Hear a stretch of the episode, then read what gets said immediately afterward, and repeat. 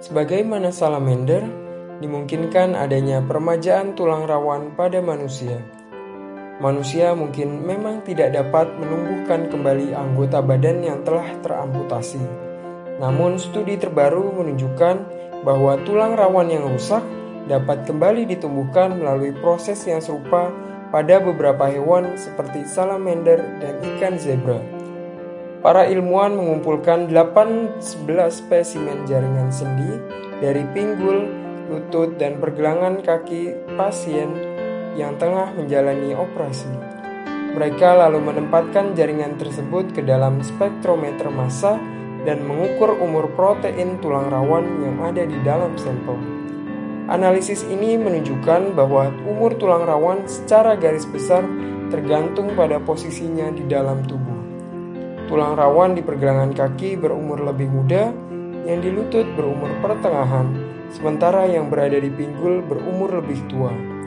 Korelasi antara umur tulang rawan manusia dan lokasi tempatnya berada di dalam tubuh mengesankan bahwa perbaikan anggota tubuh terjadi pada manusia dengan cara yang sama dengan hewan tertentu yang regenerasi jaringannya terjadi pada ujung terjauh badannya seperti pada ujung kaki atau ekor.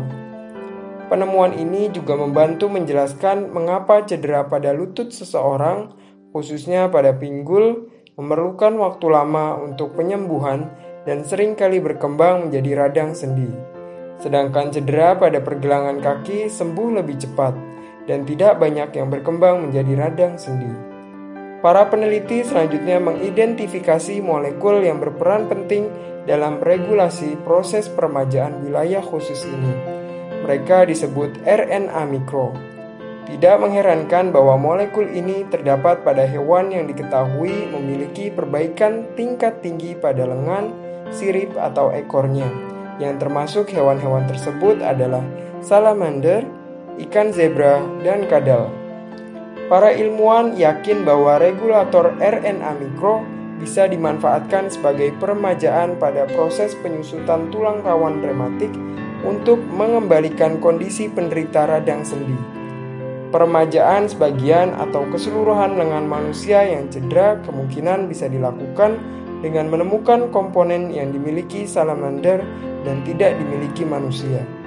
Pada akhirnya, hal ini bisa juga merupakan mekanisme mendasar terkait perbaikan yang dapat diaplikasikan pada banyak jaringan, tidak hanya pada tulang rawan saja, serta memungkinkan juga menjadi pembuka banyak jalan bagi pengobatan-pengobatan baru lainnya.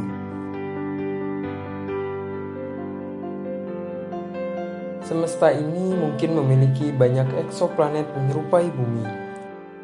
Bukti-bukti baru astrofisika dan geokimia mengesankan bahwa bumi mungkin tidak hanya satu dan bisa saja planet-planet menyerupai bumi sangatlah banyak ada di semesta ini. Semua planet di sistem tata surya kita mengelilingi matahari. Planet yang mengitari bintang-bintang lain disebut sebagai eksoplanet. Eksoplanet pertama ditemukan pada awal tahun 1990.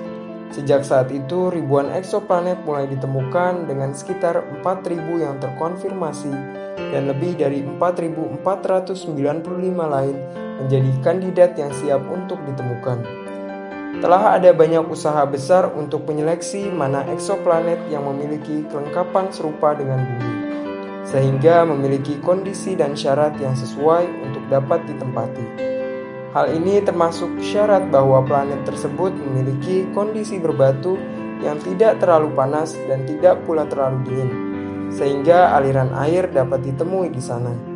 Dalam proses pencarian eksoplanet yang mirip dengan bumi, para astronom secara khusus mencari dunia yang mengorbit di sekitar kita.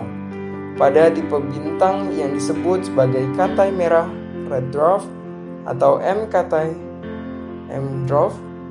Tipe bintang-bintang ini agak mirip dengan matahari kita dan menyusun 70% dari bintang di galaksi kita.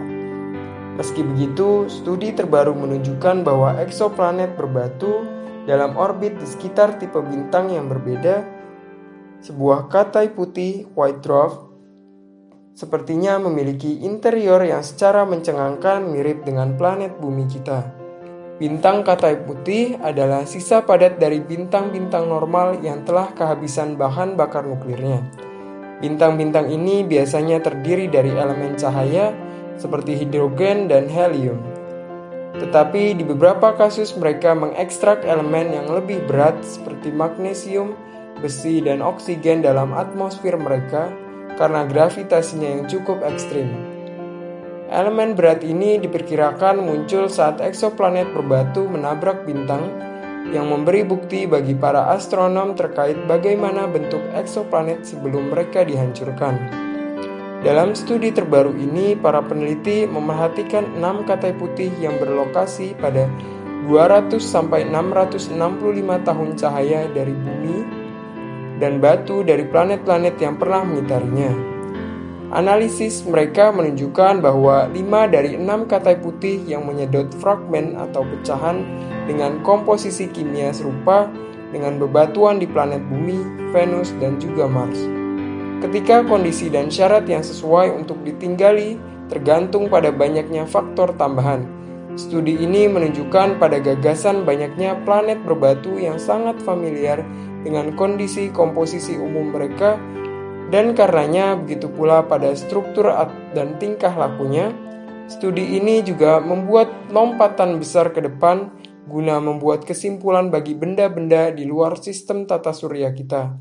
Ia juga mengindikasikan bahwa sangatlah memungkinkan adanya bumi yang serupa di luar sana.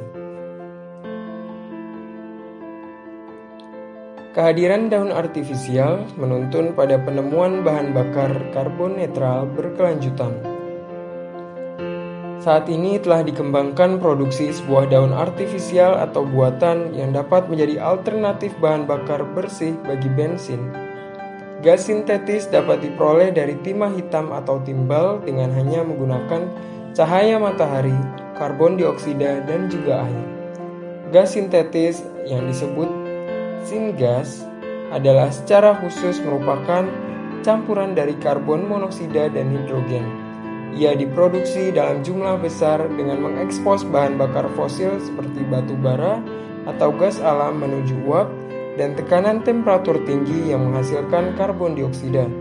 Singas secara luas digunakan pada berbagai bidang, seperti bidang komoditi bahan bakar, plastik, dan pupuk. Ketika pemanfaatan bahan bakar fosil memungkinkan perkembangan industri skala besar dalam sejarah manusia, Sebaliknya, pembakaran fosil merupakan sumber terbesar emisi karbon dioksida, yang merupakan salah satu gas rumah kaca yang paling berkontribusi bagi pemanasan global.